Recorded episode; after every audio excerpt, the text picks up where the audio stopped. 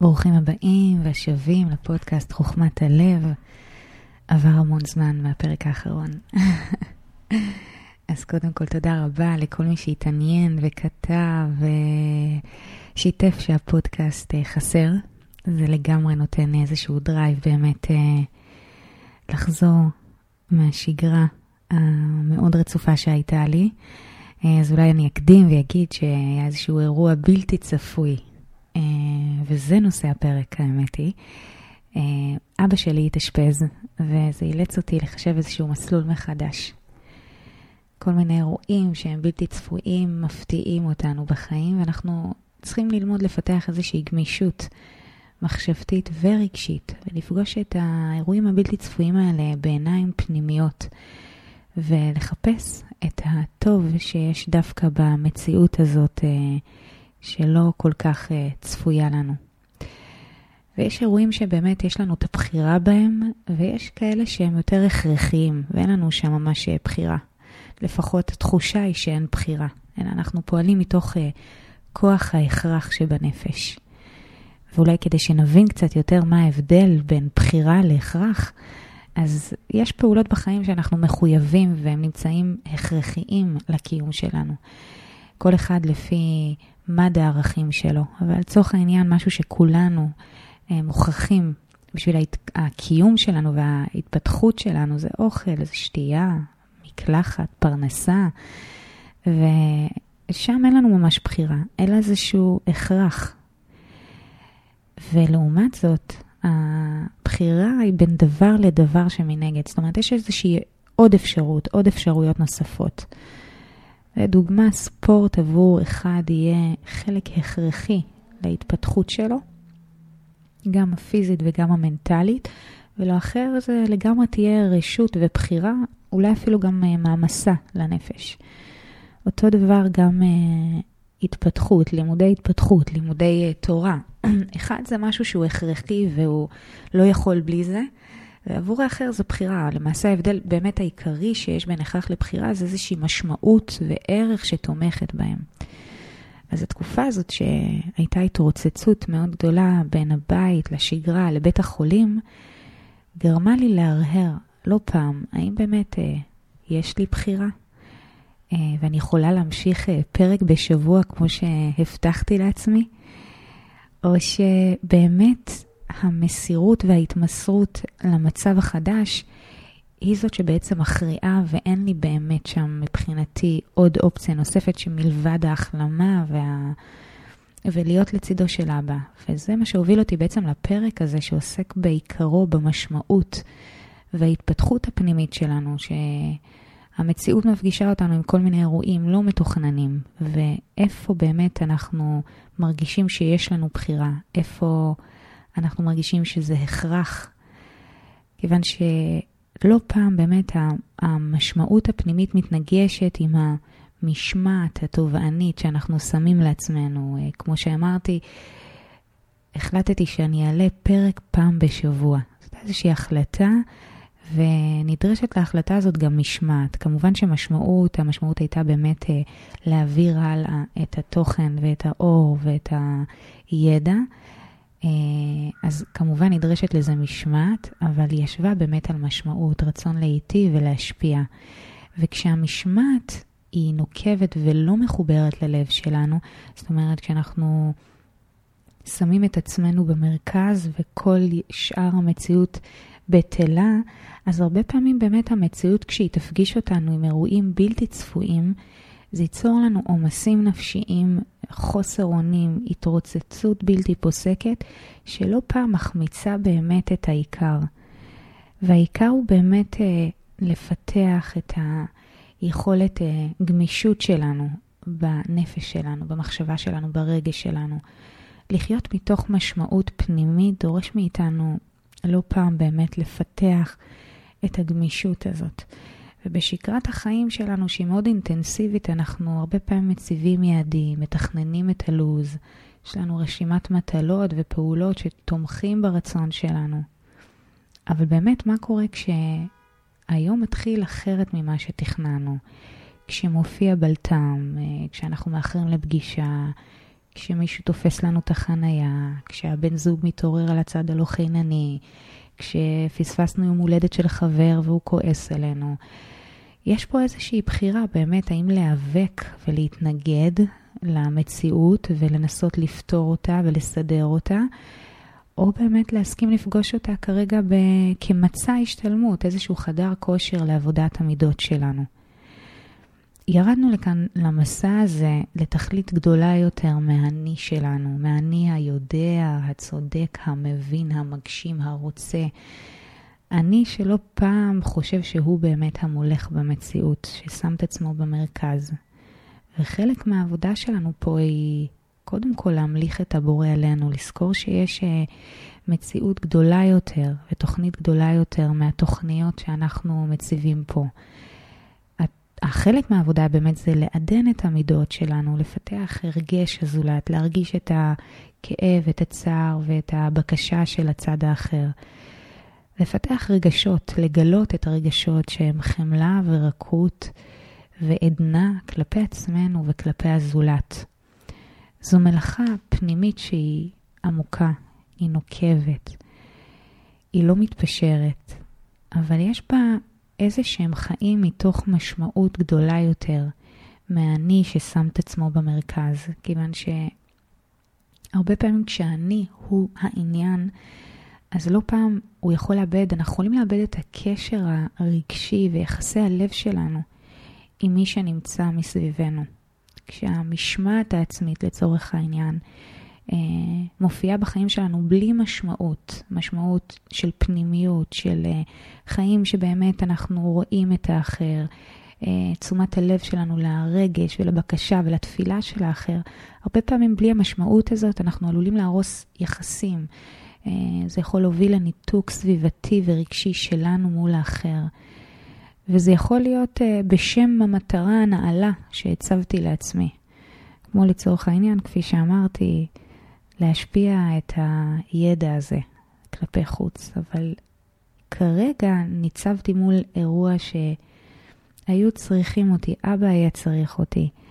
וזה יכול להיות ש, שהרבה פעמים אנחנו יכולים לחשוב שאנחנו פועלים מתוך איזשהו רצון להשפיע, וזו המטרה שלנו, אבל מה קורה כשזה מתנגש, לצורך העניין, בשלום בית, שאני אמ, נמצאת המון בחוץ ומשפיעה בחוץ, אבל הבית שלי חסר? מה קורה כשהערך המשפחתי לצורך העניין מתנגש בקריירה שלי, שהיא זו שמגדירה אותי?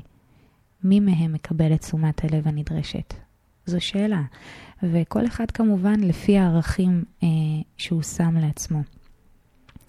אז הפרק הזה באמת, אה, אני רוצה לגעת באמת במצבים ואירועים שהם לא צפויים לנו. שאפילו חז"ל קוראים להם אה, סוג של יסורים, כי הם לגמרי אחרת ממה שרצינו וציפינו והצבנו איזשהו יעד, וקורה בדיוק הפוך. מה קורה לנו במצבים האלה? אז הרבה דברים קורים, אבל בדרך כלל מה שקורה זה התנגדות. אנחנו מתנגדים למציאות שהבורא מניח בפתחנו. וההתנגדות הזאת זה איזושהי תנועה בנפש שלנו שהיא מסרבת לקבל עכשיו את המציאות שהיא לא בהלימה עם, ה, עם הרצון שלי, עם המציאות שאני קבעתי לעצמי. כמה פעמים קרה לנו שבאמת אה, קבענו פגישה והיינו בפקק, או הילד נכנס אה, באמצע פגישה לחדר עבודה והפריע לנו באמצע זום, או איזשהו חולי שתפס אותנו. כל מיני מצבים כאלה שהם הפוכים ממה שרצינו. וההתנגדות הזאת בעצם מייצרת לנו עומס במערכת, ואנחנו בדרך כלל מנסים לפתור. זאת אומרת, הדבר הראשון שאנחנו פוגשים התנגדות, אז אנחנו מנסים לפתור את המצב הלא רצוי שפגשנו, ולהחזיר אותו בעצם לתכנון הראשוני שלנו. אז אנחנו רוצים, פה בפודקאסט הזה הייתי רוצה אה, להגיע לאיזושהי נקודה שאנחנו לומדים אה, להתבונן על המציאות קצת אחרת. קודם כל מתוך הבנה שבאמת ההשגחה פועלת תמיד לטובתנו, וכשדברים לא קורים כפי שתכננו, אז כן, לבורא יש איזושהי תוכנית גדולה יותר ומיטיבה יותר עבורנו. ולשם כך באמת נדרשת איזושהי התבוננות פנימית ולפתח איזושהי ראייה רחבה יותר ורוחנית יותר, עיניים רוחניות יותר. כיוון שכשאנחנו מתנגדים למשהו, הפירוש של זה זה חוסר אמונה. אנחנו באיזשהו חוסר אמונה מול מי ששלח לנו את האירוע ושינה לנו כרגע את, ה, את המציאות ש, שתכננו. כיוון שאם אני לא מסכימה למה שמתחולל ואני רוצה אחרת ממה שקורה, אז סימן שבאמת חסרה לי פה אמונה כלפי מי ששלח לי את האירוע הזה, וברא אותה במיוחד בשבילי, כיוון שאם אני מאמינה שהבורא הוא טוב ומיטיב, והוא באמת רוצה את הטוב ביותר עבורי, אז למה אנחנו לא מצליחות להבין שכל מה שקורה זה איזשהו לייזר, טיפול לייזר, מותאם בדיוק בשבילי, עבור עבודת המידות שלי. אחד המושגים שחוכמת הקבלה אומרת על ענווה זה היכולת שלנו להסתגל לאמת. הענווה בעצם היא כל מפגש, זאת אומרת הפיתוח של הענווה היא כל מפגש עם המציאות שהוא הפך מה שרציתי. אנחנו צריכים לפתח את מידת הענווה, ליכולת הזאת להסתגל למציאות שהבורא מציב בפניי, מתוך באמת רכות ו- וחמלה, וכמובן להחזיק את uh, כוח הכיווי והתפילה. אז בעצם האירועים שמעוררים בנו את ההתנגדות הזאת, מתחת להתנגדות, יש איזשהו רגש מצ- מסוים. Uh, זה יכול להיות כעס או פחד, דחייה, בושה, שנאה, השפלה, חוסר אונים, תסכול נוראי, ואנחנו לא כל כך אוהבים להרגיש את הרגשות האלה, אנחנו לא אוהבים לפגוש אותם. ואנחנו בדרך כלל ננסה להתעלם מהם וננסה באמת לפתור את המציאות הזאת. במקום לרגע אחד להתבונן פנימה. מתוך אמון ואמונה בבורא ובעצמי, שאם כרגע המציאות היא שונה ממה שתכננתי. אז אנחנו צריכים ללמוד לקחת אחריות על הרגש מתחת להתנגדות. אנחנו צריכים להסתכל על הכעס או על החוסר אונים כהזדמנות לקשר מחודש עם עצמנו, עם הבורא, כיוון שיש בתוכם איזושהי הערה שנשלחה עבורי כדי לפתח ולחזק את מידות הנפש שלי.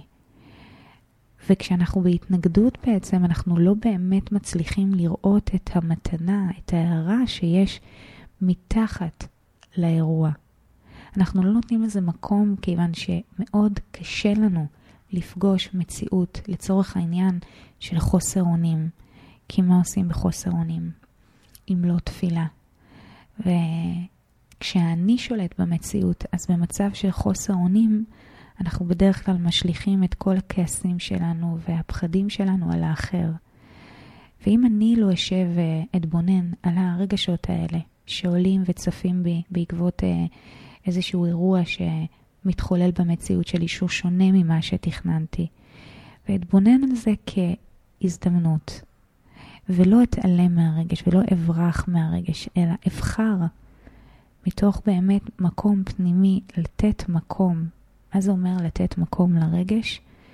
זה לא לנסות לפתור את הרגש, אלא להעניק ולתמוך כרגע בחלק הזה שמבקש ממני משהו.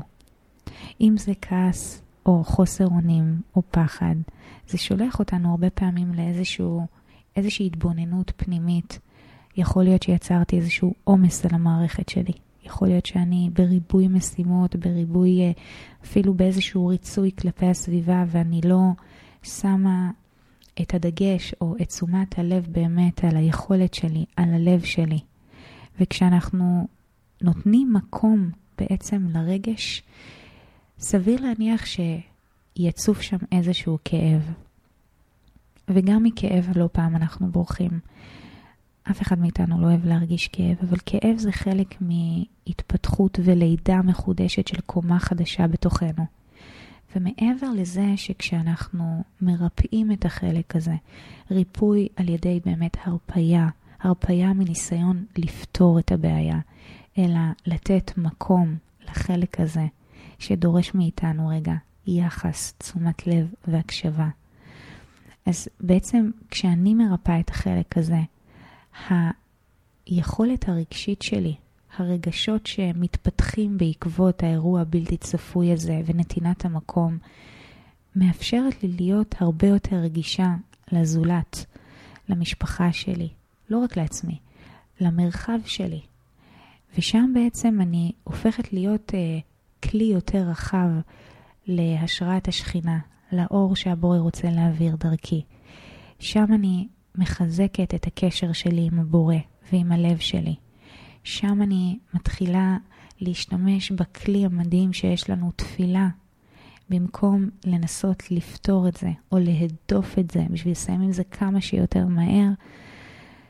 זה אומר קודם כל באמת להיות שם, להסכים להקשיב ולראות מה מסתתר מאחורי ההתנגדות שלי. כיוון שכשנעמיק את המבט שלנו פנימה, אנחנו נראה שהרגש הזה שאנחנו, שעולה בנו מתוך ההתנגדות, המטרה שלו קודם כל זה לברוח, לכסות את זה, להדחיק, כדי לא לפגוש את הרגש הזה. את אותו מקום אנחנו לא אוהבים להרגיש, אנחנו מפחדים להרגיש אותו.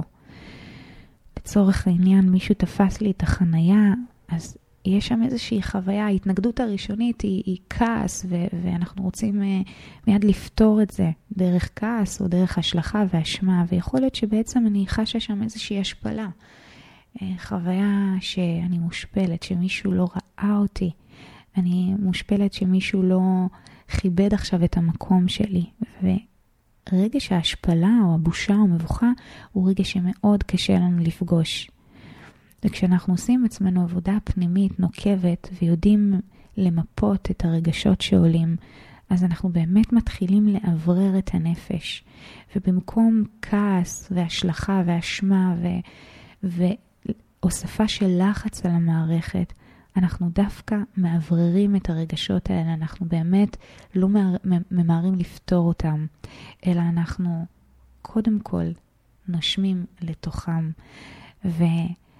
ומניחים איזושהי תפילה לבורא על הרגש הזה שצף בתוכנו. ובמקום שהתחושה הזאת תמשיך, תמשיך ותרדוף אותנו, אנחנו מסכימים לרגע אחד להישאר שם. ו... לומר לעצמנו, כן, אני מרגישה עכשיו אה, אולי דחויה, מושפלת, אה, אני חשה בושה, כל אותם רגשות שהרבה פעמים אין לנו לגיטימציה להרגיש, כיוון שהם מאיימים על האני שלנו, מאיימים על המקום הזה בתוכנו שיצרנו, איזושהי תדמית שיצרנו לעצמנו, שהיא חזקה והיא חסינה, היא חסינה בפני uh, דחייה ו- וכעס וכל מיני רגשות כאלה ואחרים. ויש מקום מאוד מרפא בתוכנו שאנחנו מסכימים לפגוש דווקא את הרגשות המכווצים האלה, בלי ביקורת ושפיטה כמובן, אה, אלא רק עם באמת חמלה וברור, ברור פנימי מה קורה בתוכי. כיוון שכל אירוע שקורה, הוא באמת מגיע אליי בהשגחה פרטית, כדי לעזור לי לדייק, לברר את הכלים שלי, לזכך אותם, לעדן את המידות שלי. ותמיד צריך לזכור שבתוך התהליך הזה אנחנו לא עושים את זה רק עבור עצמנו. כי בסופו של דבר גם העצמי הזה הגיע לכאן למטרה לשרת משהו גדול יותר ממנו.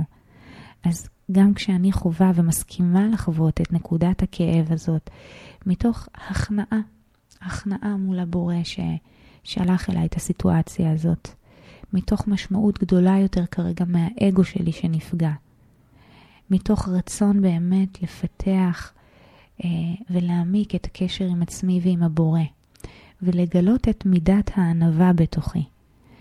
ומה קורה שם? יש שם נקודת המתקה, איזושהי גאולת לב קטנה או גדולה.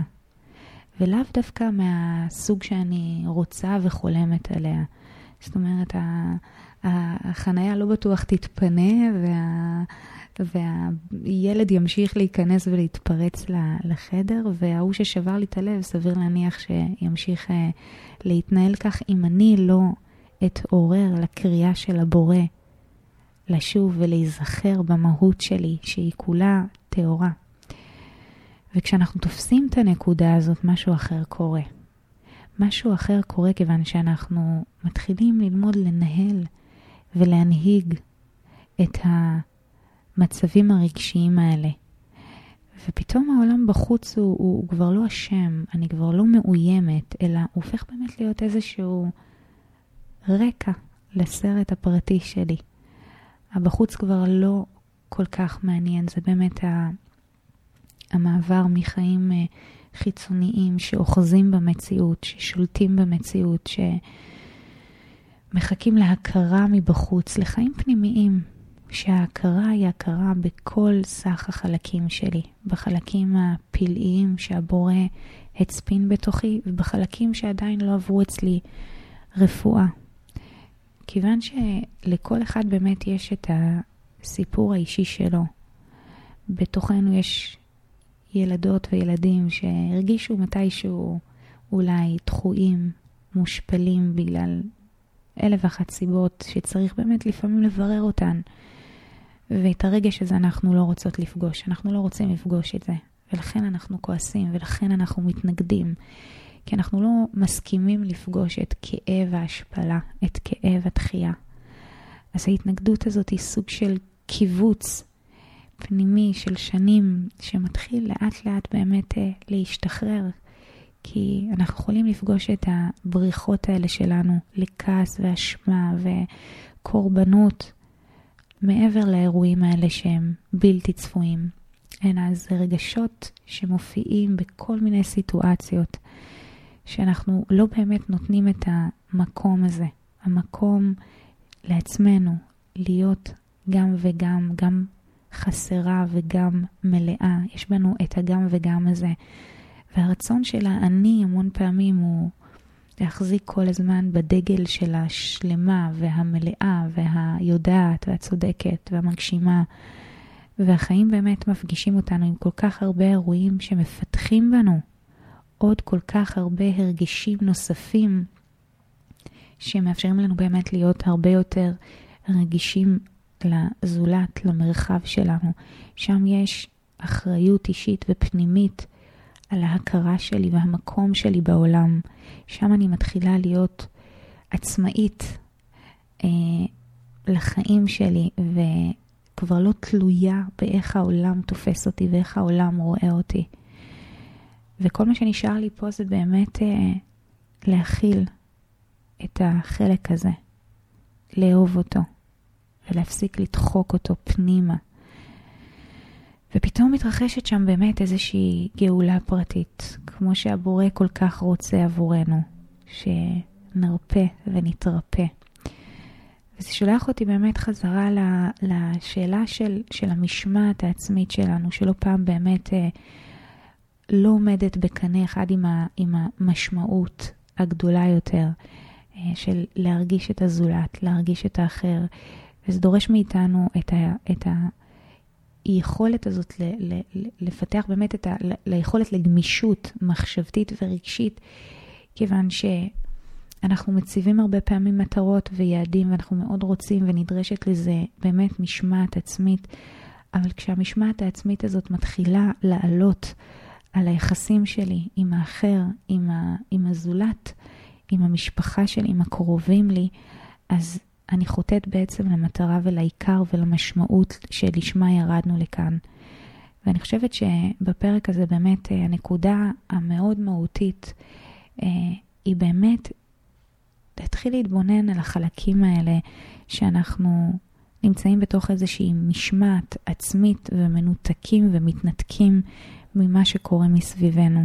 לא פעם אה, הבורא אפילו מבקש מאיתנו שהאור שלנו נצרך ונדרש, נצרך לאו דווקא במקום שאנחנו חושבים והצבנו לעצמנו, אלא הוא עושה לנו איזה פנייה כזאת חדה ימינה למקומות אחרים, ונדרשת לזה המון אה, רכות וראייה רוחנית קצת יותר רחבה מהיעד הנחשף שהגעתי אליו, כי יש המון דרכים להגיע ליעדים שלנו, ולפעמים דווקא הסטייה הזאת, הבלתי צפויה, מגלה בנו איכויות ומאפשרת לנו לגלות בתוכנו כל כך הרבה רגשות מתוקים ומרחיבי לב שיחזירו אותנו לדרך, אבל יחזירו אותנו לדרך נכונים יותר עבורנו, עבור האחר. ואני מאחלת לעצמנו, לעצמי ולכולנו, שבאמת נזכה לקחת אחריות על הרגשות שלנו, על המחשבות שלנו, על הפעולות שלנו, מתוך משמעות פנימית שהמרחב הזה, המסע הזה, הוא באמת מצע של חדר כושר התפתחותי ללב שלנו, שמאפשר לנו להביא את עצמנו יותר אותנטיים, יותר פגיעים, מסכימים uh, להיות גם וגם, גם עוצמתיים וגם חסרים. אני חושבת שזה יהיה נושא הפרק הבא שלנו. אז אני מקווה שלקחתם איזשהו ערך, ואם uh, כן, אז תעבירו את זה הלאה. וניפגש בפרק הבא בעזרת השם.